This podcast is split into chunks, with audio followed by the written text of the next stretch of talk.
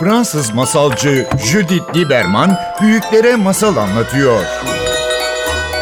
Masal Buya başlıyor. Masal Buya'ya hoş geldiniz. Benim adım Judith Lieberman. Her hafta hikayelerin gücü ve hayal etmenin önemin hakkında bir konuk ile sohbet ettikten sonra beraber bir masal yolculuğuna çıkıyoruz. Bugün oyun ve masal, oyunbaz masallar hakkında konuşmak için Elif Konar Özkan'la beraberiz. Elif editörsün, aynı zamanda çocuk gelişim ve edebiyat alanında öğretim görevlisin. Ve Ümit Yaşar Özkan, edebiyat öğretmeni. Siz aynı zamanda evlisiniz, aynı zamanda beraber kitap yazıyorsunuz ve masal etkinlikleri sunuyorsunuz. Hoş geldiniz. Hoş bulduk. Hoş bulduk. Çok heyecanlıyım beraberiz. Çünkü Biz de öyle. bir haftadır elimde sizin harika kitaplarınız var. Taş masalları. Müthiş bir çalışma. Çok mutluydu yani gerçekten içimdeki oyunbazlığı uyandıran bir kitap. Ee, bana oyun oynama isteği uyandırdı. O yüzden sizinle bu programda masal anlatmak ve oyun oynamaktan bahsetmek için beraber olduğumuz için çok mutluyum. Biz de. Şimdi e, ilk önce direkt bizim kitap konuya dalmadan önce biraz sizin masal ve belki oyunla geçmişinizden bahsedelim. Siz çocukken masal dinlediniz mi? Size masal anlatıldı mı? Anlatılmışsa kim anlattı? Ee, ben çocukken masal anlatıldı evet. En çok babaanneminkileri hatırlıyorum ama yaz tatillerinde babaannemin yanına giderdik ve o masalları anlatırdı. Bir sürü masal anlatırdı. Yani hani şehzadeli, prensesli böyle farklı farklı pek çok masal anlatırdı. Hepsinin sonu aynı biterdi ama. Sanki o sonu babaannem mi uydurmuştu onu tam bilemiyorum. Nasıldı? Hepsinin sonu işte ben hani 40 gün 40 gece düğün olur ya masallarda. Beni de davet etmişlerdi. Çünkü herkesi davet ediyorlardı derdi. Düğünden dönerken de padişah herkese hediyeler veriyordu. Elime bir tepsi baklava verdiler. Derenin üstünden geçerken kurbağalar bıraklamaya başladı ve ben korkumdan tepsiyi dereye düşürdüm. Böyle hepsini böyle bitiriyordu. Ve o çok Harika. büyülü bir şeydi demek ki. Yani hani o da gidiyor o masalsı düğüne ve o düğünden dönerken de bir hediyeyle dönüyor ve sonra böyle komik bir şeyler oluyor. Ben de benzer bir son duydum Anadolu'da geleneksel versiyonlarda. Çok sevdiğim bir son. İşte düğünde ben de oradaydım. Hatta bazen ben anlatırken şey söylemeyi seviyorum. En küçük kişiye sen de oradaydın. Hatırlıyorsun. O böyle bakıyorlar. Düşünüyor Var falan. mıydım falan böyle. Sen de oradaydın, ben de oradaydım. Bütün gece dans ettik. En küçük kişiye söylüyorum. Evet. Beraber sen ve ben sohbet ediyorduk. Ben de uzun uzun masanın bir ucunda oturuyordum. Sen önümdeydin. Sonra tam karşısında tombol mu tombol, yuvarlak mı yuvarlak bir adam geldi. Masanın öteki ucunda oturmuş ve puu, masa çevirildi. Ben de göklere doğru atıldım. Uçtum, uçtum, uçtum. Düştüm ve aranızda geldim. Aranızda düştüm ve size bunları anlattım. Ve ben bunu neden çok seviyorum? Çünkü masalcı bağdır. Masalcı gerçeklik ve hayalin arasındaki rehberdir. Gidip gelen kişi ve insanları gerçeklikten hayale götüren, hayal dünyasına götüren ve buraya direkt bir bağlantı yapıyor. Oradaydım, uçtum, buraya aranızda geldim. Evet, yani, yani, aslında babaannem de o düğünlere katılıyor hep ve sonra onları bize anlatıyor. Yani öyle bir çocukluk anısı Gerçekten. benim anılarımda işte var. hem var hem yok. Müthiş. Peki sen, sen Ümit nasıldı? Benim annemin anlattığı bir Keloğlan masalı vardı. O masalı sürekli anlatırdı. Bir de benim unutamadığım e, köye gitmiştim çocukken. Ve orada köyün çobanları bana Keloğlan masalları anlatmıştı. Bana tuhaf gelen, şehirden gelen bir çocuk olarak ben Keloğlan'ı öyle bilmiyordum. Çobanların anlattığı masallardaki Keloğlan daha farklıydı. Nasıl? Belki kelime kelime hatırlamıyorum ama bana daha tuhaf, daha sert geldiğini hatırlıyorum oradaki Hmm. Keloğlan'ın. Mesela o intibamı, o izlenimimi unutamıyorum. Masalların değişkenliğine dair benim ilk tecrübemdir. Ve annemin sürekli anlattığı bir de Keloğlan masalı onu unutmuyorum. Ve o çobanlarda dinlediğin masallardan bu yana masal aşkı bitmedi. Çünkü şu an ikiniz beraber masal okuma grubu organize ediyorsunuz, ağırlıyorsunuz. Evet. Biraz ondan bahseder misiniz? Çocuk Edebiyatı okuma atölyemizin tarihçesini Elif Hocam versin. 7 Ee, sene oldu. İlk 4 senesini Melike Günyüz organize ediyordu. Koordinatörü oydu. Kendisine de teşekkür ederiz. Yani edebiyatın her türünde farklı okumalar yaptık. incelemeler yaptık. Çocuk edebiyatı ve ilk gençlik edebiyatı türünde. Daha sonra Ümit'in katılımından sonra Melike Hanım Ümit'e devretti koordinatörlüğü. Ben de biraz asistanı gibi işte mailleşmeleri, haberleşmeleri sağlıyorum. Hani Peki e, ne yapıyorsunuz o grupta? Ne keşfediyorsunuz o okumalarda? 7 senedir masalla ilgili e, ne aktarabiliyorsunuz Tabii bize? çocuk edebiyatı grubu olduğu için çocuk kitapları e, her atölyede seçtiğimiz bir kitap oluyor. O kitabı okumuş olarak geliyoruz atölyeye. O kitap hakkında konuşuyoruz. Sonra geçtiğimiz iki seneye geriye doğru götürürsek masal okumalarını biraz daha çevirelim dedik. Anadolu masallarından Avrupa masallarına doğru. Hatta bu sene atölyemizde bir tema belirledik. Canavar. Hmm. Çocuk ve gençlik edebiyatında canavarı konuşuyoruz ve buradan da şuraya gidelim dedik. Biz ne yapabiliriz? E, Çünkü bir taraftan evet evvelden gelen masalları seviyoruz. Anlatıyoruz, anlatmak istiyoruz. Ama bir taraftan da istiyoruz ki biz de başka masallar yazalım. O masalların bize verdiği ilhamla arkadaşlarımızla beraber hem çocuk edebiyatı ve masal okumaları yapmaya çalışıyoruz. Masalları anlamaya çalışıyoruz. Masallara nüfuz etmeye çalışıyoruz. Bir taraftan da biz nasıl masallar anlatabiliriz? Nasıl günümüze yeni ve masallar? geleceğe nasıl e, Evet. masallar Ve çıkarabiliriz ne ihtiyacımız belki. var yani günümüzdeki çocukların ne ihtiyacı var sizce? Yani çünkü canavardan bahsettiniz örneğin. Birçok insanlar canavarlar çocuklar için biraz tehlikeli bir alan olduğunu Evet, düşünüyor. Evet öyle ne düşünülüyor. düşünüyorsunuz o konuda? Ee, biz canavarları anlamaya çalışıyoruz. Çünkü çeşit çeşit canavarlar var masallarda da. Kimisi kılavuz oluyor, kimisi bir problemin kendisi oluyor. Yani bir çocuğun canavarla karşılaşması demek aslında hayatta bir problemle karşılaşması demek. Az önce bahsettiğim bağ var ya. Yani çocuk aslında o bağı kurabiliyor. Burada bizim o çocuğa masalı nasıl anlattığımız önemli. Yani çocuğu korkutmak için anlatmayacağız masalı elbette ki çocuğun kendi korkusuyla yü- yüzleşebilmesi için ona buna dair bir ilham vermek için. Mesela canavar da o yüzden çok önemli bir sembol. Aslında hani baktığımız Ve zaman Küçücük çocuklar da kendi hikayeler anlatmaya başladıklarından itibaren 3 yaşında çocuklar hemen hikayelerin ve hayal hikayelerin içinde canavar koyuyorlar. Evet. Yani o İstiyorlar. bazen Tabii. ejderha oluyor, bazen dinozor Tabii. oluyor, bazen dev oluyor, bazen direkt canavar Evet. diyorlar. Ama mutlaka o tarz bir unsur Evet. oluyor. Benim e, arkadaşımın 3 yaşında çocuğu geçen gün kitap okur gibi yapıyordu. Annesinin ona kitap okuduğu gibi. Sayfalar çeviriyor, şey diyor. Burada canavar. Sayfa çeviriyor. Burada cana yok.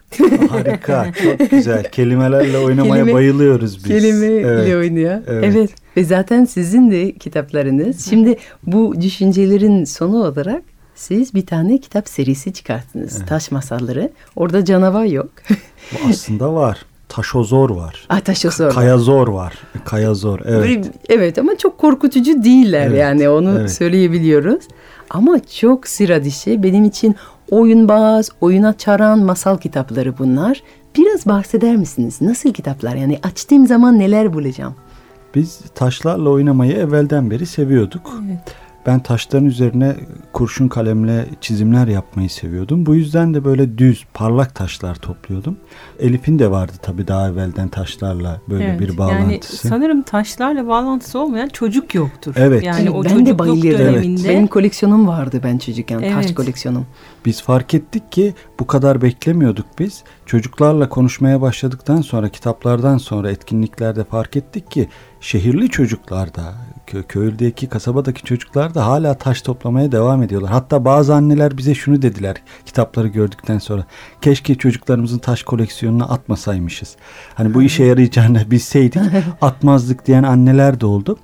Bizim taş topladığımızı bilen 5 yaşında bir arkadaşımız bize kendi topladığı taşları getirdi. Ama onun getirdiği taşlar düz ve parlak değildi. Farklı boylarda, renklerde, şekillerde taşlar. Sonra ben o taşlarla oynamaya başlayınca bunlardan bir takım resimler çıktığını fark ettim. Yan İşte- yana gelince. Evet, yani birleştirince. Ümit bana soruyordu. Sence burada ne var? Hani Hmm, bakalım. iki taş yan yana e, getirince evet, sen ne görüyorsun? muyum? Hani ne Evet. görüyorum? E, o içinden bir şey tutup yapıyordu. Sonra bana soruyordu. Hani bir, bir nevi test ediyordu. Bakalım e, o hayalimdeki şeyi yapabilmiş mi? Karşıdaki kişi görebiliyor mu onu diye. İşte salyangoz ya da işte çocuk, e, kaplumbağa, tavşan farklı farklı şekiller. Sonra neden bunlardan kitap olmasın dedik. Yani Zaten bu oyun aslında kendi Evet. kendine geliştirdiğin bir oyun. Evinde üri bürü her renkten her şekilden taşlar olunca oynamaya başladın. Evet. Onları Evet. yan yana getirip şekil çıkartmaya başladın ve beraber oynadığınız bu oyuna başka insanlar da katmaya başladınız değil mi? Evet. Çocuklar gelince Evet, evet. onlarla Yani beraber eve oyn. Misafirliğe gelen arkadaşlarımızla, çocuklarla, farklı yaş grubundaki çocuklarla bir bez açıyorduk. Taşlarımızı döküp herkes kendince bir şeyler yapıyordu. İnanılmaz güzel bir oyun Evet. ve aynı zamanda hayal yolculuğa hazırlık bir şey. Çünkü Evet, o şekillerden kesinlikle, herhalde kesinlikle, hikayeler çıkıyor ve her yaşın oynayabilecek Biraz bulmaca bir yönü de var. Tabii. Çünkü bulmaya çalışıyorsun. Acaba ne yaptı hani? O kadar teknolojik bir çağın içinde de çok şiirsel buluyorum bunu. Ekran yok, teknoloji yok Evet. ve yaş da yok. Tamamen doğal, ücretsiz bir malzemeden e, oluşan bir şey. Evet. Dükkana gitmeden alabileceğimiz bir şey ve saatler boyunca siz oynadınız. Evet oynadık. Tabii masallarla zaten yine içli dışlıydık. Dolayısıyla masal ve oyun birbirine benziyor. Hani bu benzerliğin de farkındaydık. Çünkü masal anlatmak oyun oynamak gibi. Masal anlatırken de bir oyun oynuyoruz. Masal ve oyun nasıl birbirine benziyor?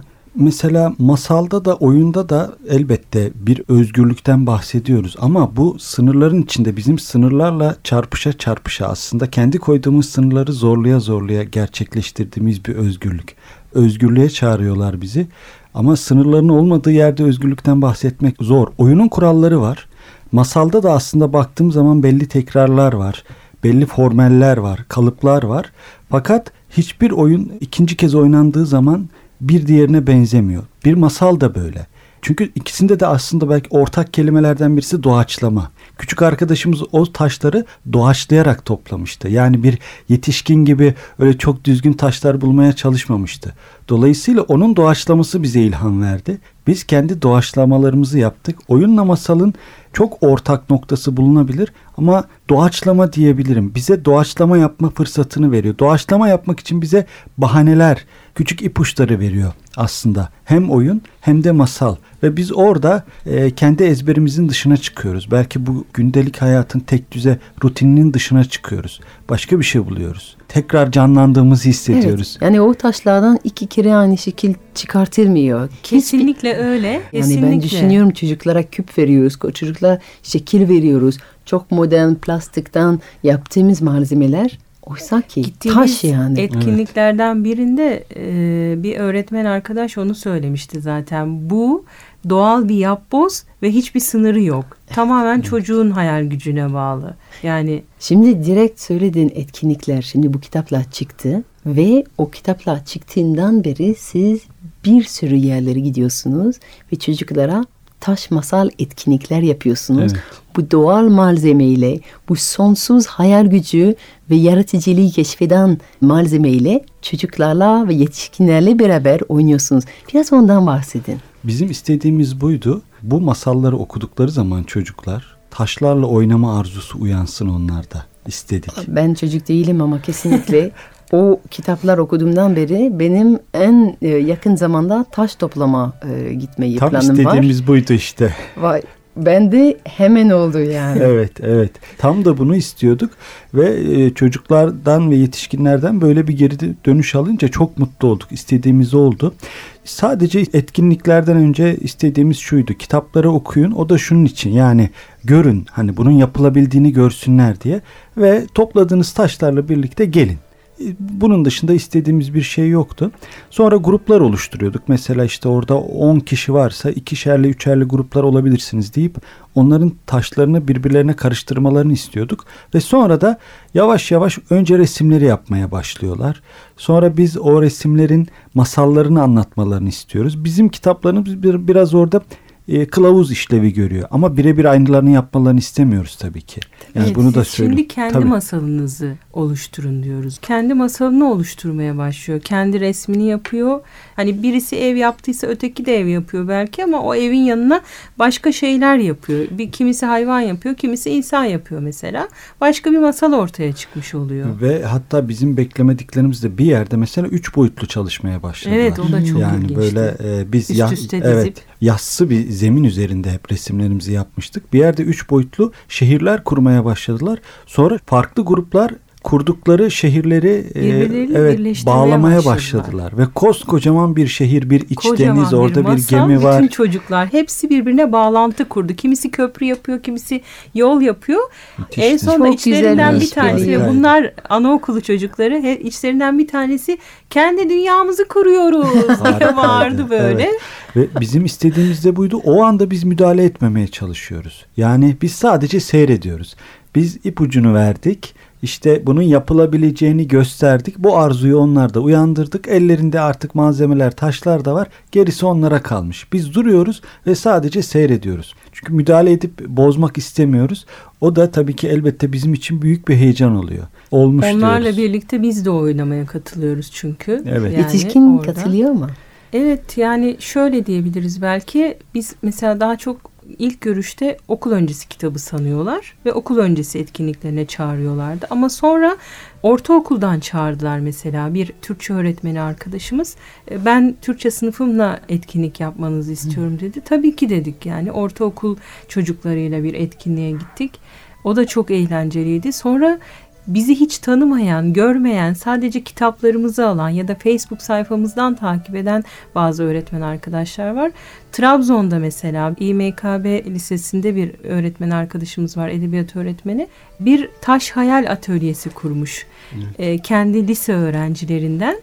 Bunlar yani artık hani delikanlı, genç lise öğrencileri. Onlar kendi taşlarını toplamışlar. Kendi taş şekillerini oluşturmuşlar, resimlerini oluşturmuşlar ve ona kendi masallarını yazmışlar. 14-15 tane Harika. e, genç. Sonra bu çalışmayla Trabzon İl Milli Eğitim ve İlçe Milli Eğitim'de örnek çalışma gösterilmişler. Yani bunu öğrendiğimizde çok mutlu olduk mesela.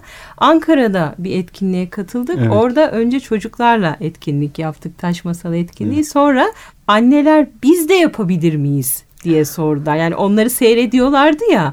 O heyecan onlar da demek ki hissetmişler. Biz de oynamak istiyoruz dediler. Şey çok Sonra güzel ya. onlarla birlikte oynamaya başladık. Masallar da hep diyorum. Yaşı yok. Yetişkin de Evet, istiyor, çocuk da kesinlikle. istiyor. Evet. Ve hatırlıyorum ilk anlatmaya başladığım zaman Türkiye'de bir parkta anlatıyordum bir gün. Bir kadın bana geldi ardında. Dedi ki ben çocuğum için geldim. Ama dedim sonra ben oturdum onun yanında. Aman çocuğum sen beni rahatsız etme ben dinliyorum oldu.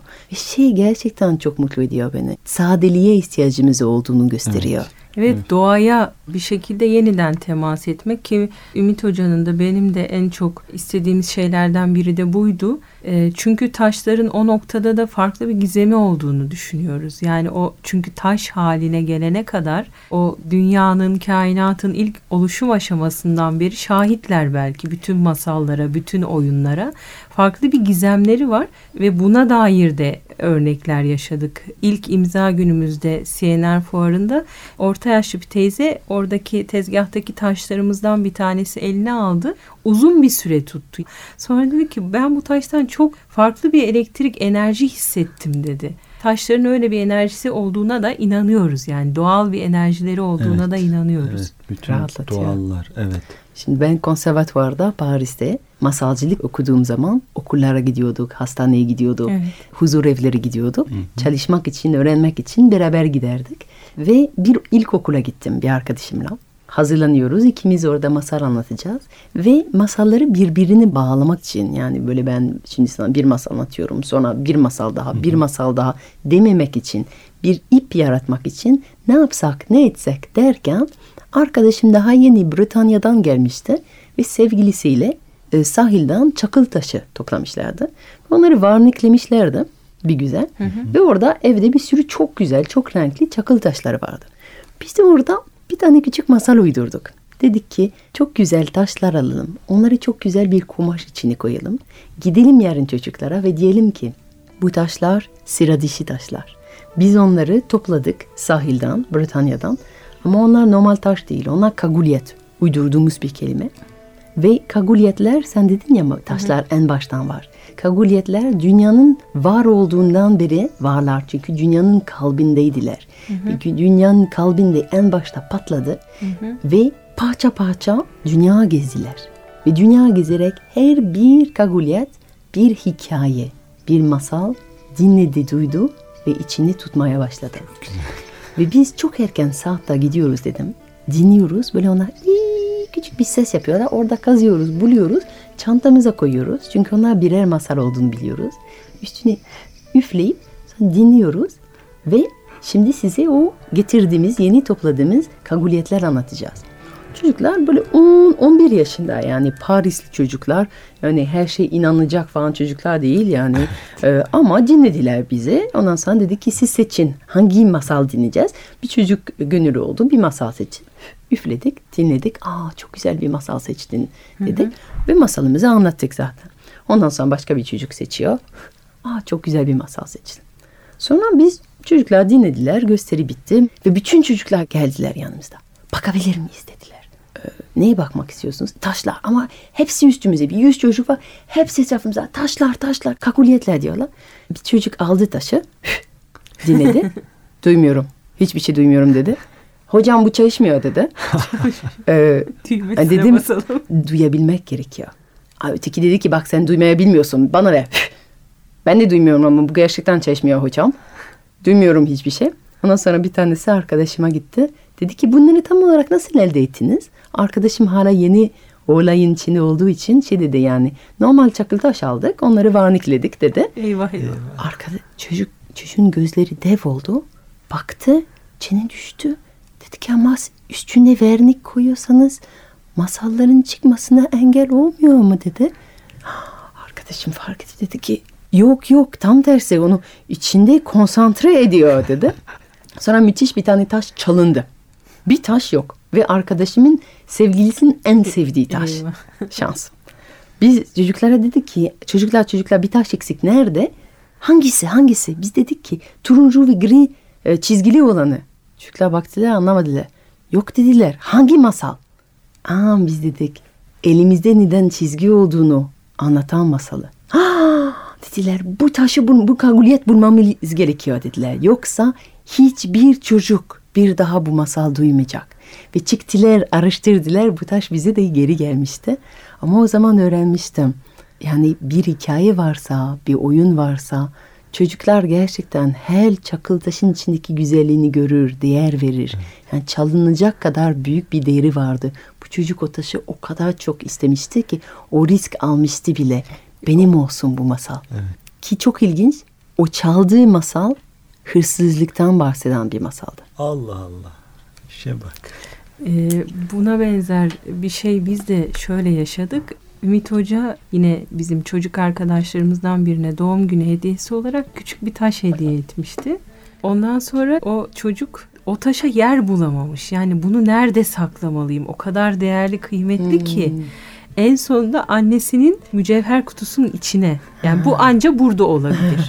Yani küçük bir taş ama mücevherlerin yanında durabilir ancak. Harika. Peki bu etkinliklerin sırasında değişik yaşadığınız anlar oldu mu bizimle paylaşabileceğiniz? İlk etkinlikte bir kız çocuğu bizim masalımızı anlattı. Aa, Elif'le evet, benim masalımızı anlattı. Bir kadınla bir erkek varmış. Hem çocukları seviyorlarmış hem Ee, masalları, kitapları seviyorlarmış. Ne yapalım demişler, evlenmişler. Taş masallarını yapmışlar. çok Yani çok ilk- daha tatlı. ilk etkinlikte bu masal bize geldi mesela. Çok tatlı. Evet. Ee, çocuklardan, farklı yaş gruplarında çocuklardan yaşadığımız olaylar var tabii ki. Mesela ilk imzamız bizim 8 Mart Dünya Kadınlar Günü'ne denk gelmişti e, CNR'da. Orada taşlarımızdan da bir iki torba götürdük ve tezgahın üstüne serdik onları. Hani orada oynuyoruz bir yandan. Bir yandan kitaplar var. Kitap alıp imzalatmak isteyen olursa imzalıyoruz. Oynamak isteyen çocuk olursa taşlarla oynuyor ya da büyükler geliyor. Türkçe konuşamayan bir aile yaklaştı tezgaha. Sonra onların Suriyeli olduklarını öğrendik. Taşlarla oynamaya başladı. Üç kardeş var farklı yaş gruplarında. İşte çocuk yaptılar, ev yaptılar, farklı şeyler yaptılar ve en sonunda da diğer taşlarla da onları böyle bir çember içine aldılar. Sanki bir koruma kalkanına alıyormuş gibi. Biz buna benzer bir olayı Konya'da da yaşadık. Orada da tanklar yapmaya başladı bir çocuk. Sonra onlar yapılırken kız çocuklardan bir tanesi İstanbul'da savaş var dedi. Tren yapıyordu birisi, birisi tank yapıyordu. Farklı farklı şeyler yapıyorlardı. Ben de dedim hayır dedim biz oradan geldik yani hiçbir şey yoktu. Herkes sağlıklıydı. Hayır diyor ben gördüm diyor. Televizyonda gördüm ben diyor. Orada savaş var. Çocuğu ikna edemiyoruz böyle. Yani o kadar kendini kaptırmış. Burada demek istediğim şey şu o taşlarla oynamanın, e, taş ve masal etkinliklerin aynı zamanda böyle bir terapi etkisi olduğunu da gördük. Yani çocuklar içlerinde biriktirdikleri problemleri, üzüntüleri, sıkıntıları orada oynarken ortaya çıkartıyorlardı ve böylece bir rahatlamış da oluyorlardı. Evet. Annelerden biriyle öyle bir şey yaşadık. Piknik yaptı taşlarla, e, mangal yaptı ama mangalların dumanları cetvelle çizilmiş gibi çıkıyor. Hmm. Yani o dümdüz dümdüz çıkıyor. Sonra hani Ümit Hoca da dayanamadı. Artık soracağım dedi. Aşırı mı titizsiniz? Çok mu düzenlisiniz? O velinin öyle bir şeyi varmış gerçekten. Yani hani aşırı titiz, aşırı düzenli. Mutlaka kendilerinden bir şey çıkartıyor ortaya. Harika. Maalesef sohbetimizin sonuna doğru geliyoruz. Ayrılmadan bizim dinleyicilere verebileceğiniz bir tavsiye, hayatlarına uygulayabilecek belki daha oyunbaz, daha masal dolu bir hayat olsun diye bir tavsiye. Oyun arzusu için bazen çok küçük bir bahane yetebiliyor bize. Şimdi oyun deyince hani bir masaüstü oyunu da anlaşılabiliyor. Türkçe'de oyun kelimesi çok çağrışımlı. Dans da anlaşılabiliyor. Kalkıp oynamak da anlaşılabiliyor. Yani bu arzuyu ne verebilir bize oynama arzusunu? Mesela müzik. Bir müzik duyduğumuzda çünkü oyun bizi tazeliyor aslında. Dolayısıyla yani bir masaüstü oyunu evin bir köşesinde durursa o bir bahane olacaktır. Bizi çağıracaktır. Ya da, ya da bir taşlar. kutu taş. Evet bir kutu taş olabilir çocuklarla beraber oynamak için. Bazen sadece kalem ve kağıt. Başka hiçbir şey. Sadece kalem ve kağıtla oynanabilen oyunlar var. Bizim çocukken oynadığımız isim şehir, evet, bitki, evet. hayvan oyunu gibi mesela. Dolayısıyla o bahaneyi böyle çok yakınımızda o oynama arzusunu bize verecek olan o bahaneyi, vesileyi tutarsak e, bir şekilde elimizi uzattığımız zaman o arzuyu duyacağız, duyarız diye düşünüyorum. Ben taşlarla yapmaya çalıştığımızda buydu bizim. Harika. Oyun oynamak için bahanelerimiz çok olsun. Evet, çok teşekkür inşallah. ederim geldiğiniz için. Biz teşekkür, Biz teşekkür ederiz. ederiz. Sağ olasın Judith. Masal Buya devam ediyor. Şimdi Masal Buya'da büyükler için masal başlıyor.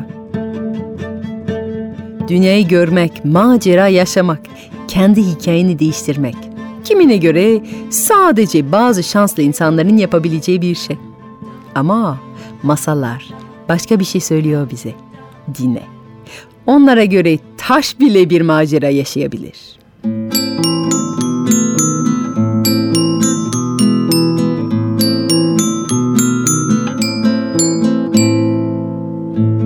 Bir varmış, bir yokmuş.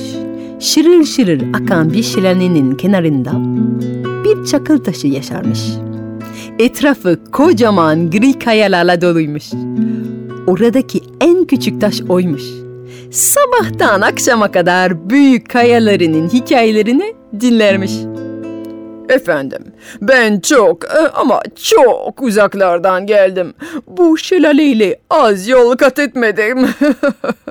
Bense oldukça yüksek yerlerden geliyorum efendim. Hatta seneler geçse de hala tam buranın havasına alışamadım. Benim ailem efendim bu kocaman dağın en üstünde yaşıyordu. O nedenle soyadımız zirve zaten. Onların gölgesinde yaşayan küçük çakıl taşı ara sıra da sorardı. Peki sizce biz hala gezebiliyor muyuz? Ben dünyayı çok merak ediyorum. O zaman bütün kayalar kahkaha atıp yüksekten bu küçük yaramaz taşa ders vermeyi başlıyorlardı. Burası son durak. Taşlar yukarıdan düşer, aşağıda kalır. Başka gidilecek yer olsa koskoca kaya olarak tabii ki biz çoktan onu bulurduk. Senin gibi küçük bir şeyden ders alacak değiliz. Uzaklaşırsan kaybolursun. Dünya senin gibi küçükler için tehlikelerle doludur. Yutulursun, tutuklanırsın.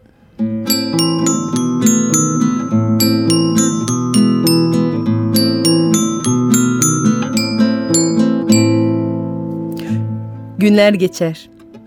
Ama çakıl taşı merak etmeyi devam eder. Ve bir gün her şeye ve herkese rağmen gezmek için bir yol bulmaya karar verir. Tam da o zaman bir kervan şelaleye su içmeye uğrar. Çakıl taşı da bütün cesaretini toplayıp üstüne basan bir devenin ayağına takılır ve bir tırnağın arasında ağır ve uzun adımlarla uzaklaşır. İçinde bir heyecan, macera başlıyordu.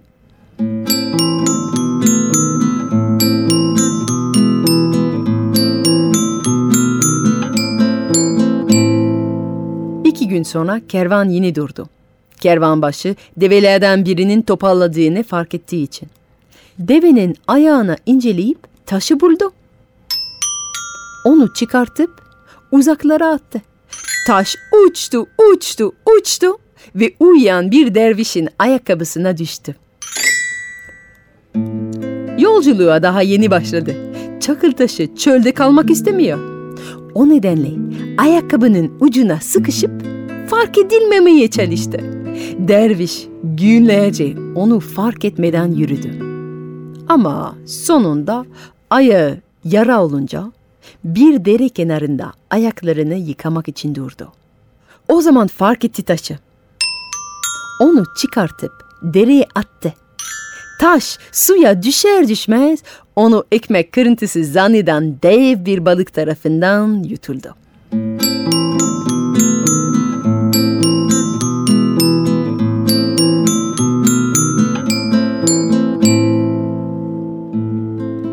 Balığın karnında her yer karanlıktı. O zaman taş hatırladı kayaların sözlerini. Ve yola çıktığı için çok ama çok üzülmeye başladı. Ama birkaç gün sonra balık bir ağa takıldı ve bir saat sonra bizim çakıl taşı bir mutfakta uyandı. Gözleri parlayan balıkçının karısı heyecanla taşı gösterdi. Bak bak ne güzel bir taş ne güzel parlıyor aman hiç bu kadar güzel bir şey görmedim. Ne dersin yarın onu kuyumcuya götürsem ondan bir yüzük yaptırabilir miyim? O kadar sevilmek, o kadar takdir edilmek çakıl taşının pek hoşuna gitti. Gururla parlamaya başladı. Parladıkça kadın daha daha heyecanlandı. Pazar günü kocası balık satarken kadın tülbentin kenarında sardığı taşı kuyumcuya götürdü. Kuyumcu kardeş, fakir biriyim. Bir balık bana bu taş verdi. Ondan bana ucuz bir yüzük yapar mısın? Kuyumcu tek bir bakışla taşın değerini anladı. Ve genç kadına senin için daha iyisini yaparım bile dedi. Bütün hayatın zaten balık. Bir de senin yüzüğün ondan gelmesin. Gel bir takas yapalım. Sana bu taş karşılığında bu güzel türkuaz yüzüğü veririm. Kadın yüzüğü görünce hemen sevindi ve çakır taşını kuyumcuya bıraktı. Kuyumcu hemen işi koyuldu. Ve bizim çakıl taşı için kırmızı altından bir yüzük yaptı. Aman aman işte kayalar haklı çıkmıştı. Tutuklanmıştı. Yüzük onu kelepçe gibi bağlı tutuyordu. Artık macera bitmiş. Yüzük altın bir kafese düşmüştü. Günler sonra zengin bir tüccar yüzüğü beğenip onu satın aldı. Ve bir süre onu etrafındakileri gösterdi. Ama sonra bir kutuya koyup karanlıkta unuttu.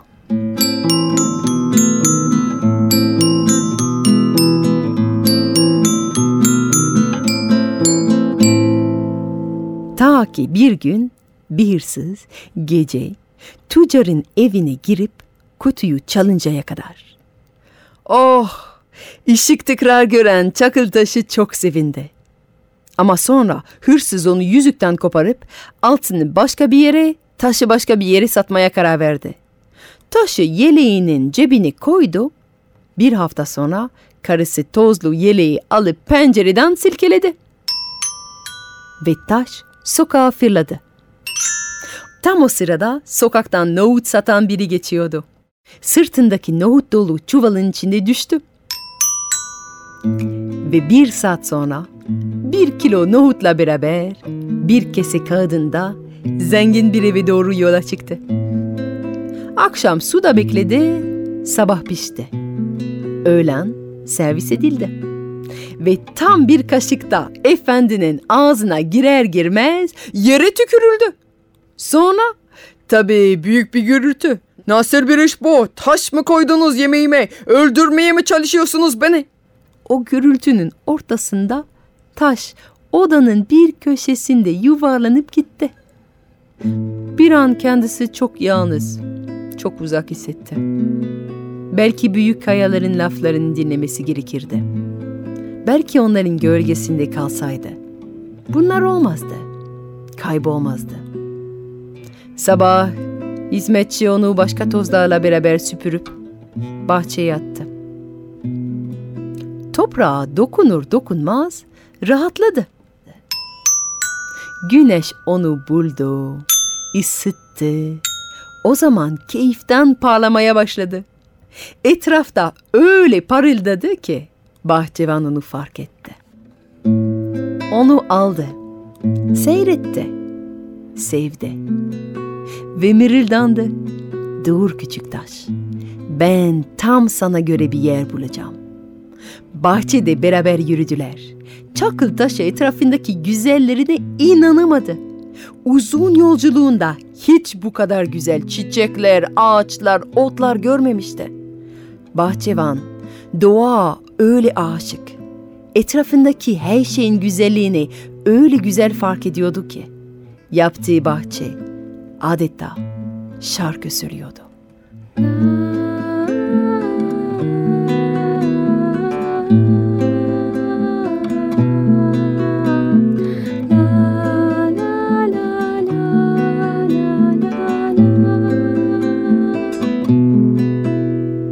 Bahçenin tam kalbinde bir çeşme vardı. Gürül gürül su akıyor. Etrafında arılar çiçekten çiçeğe geziyor.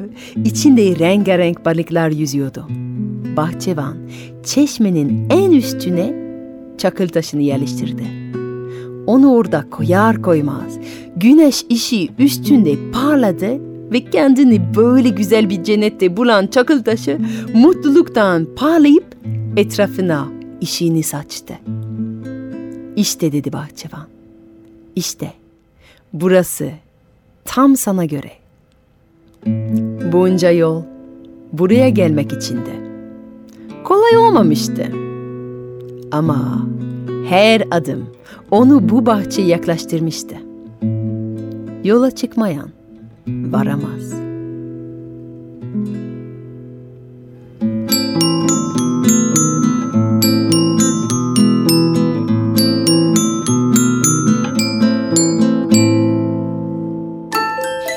Fransız masalcı Judith Lieberman büyüklere masal anlatıyor. Masal Buya sona erdi.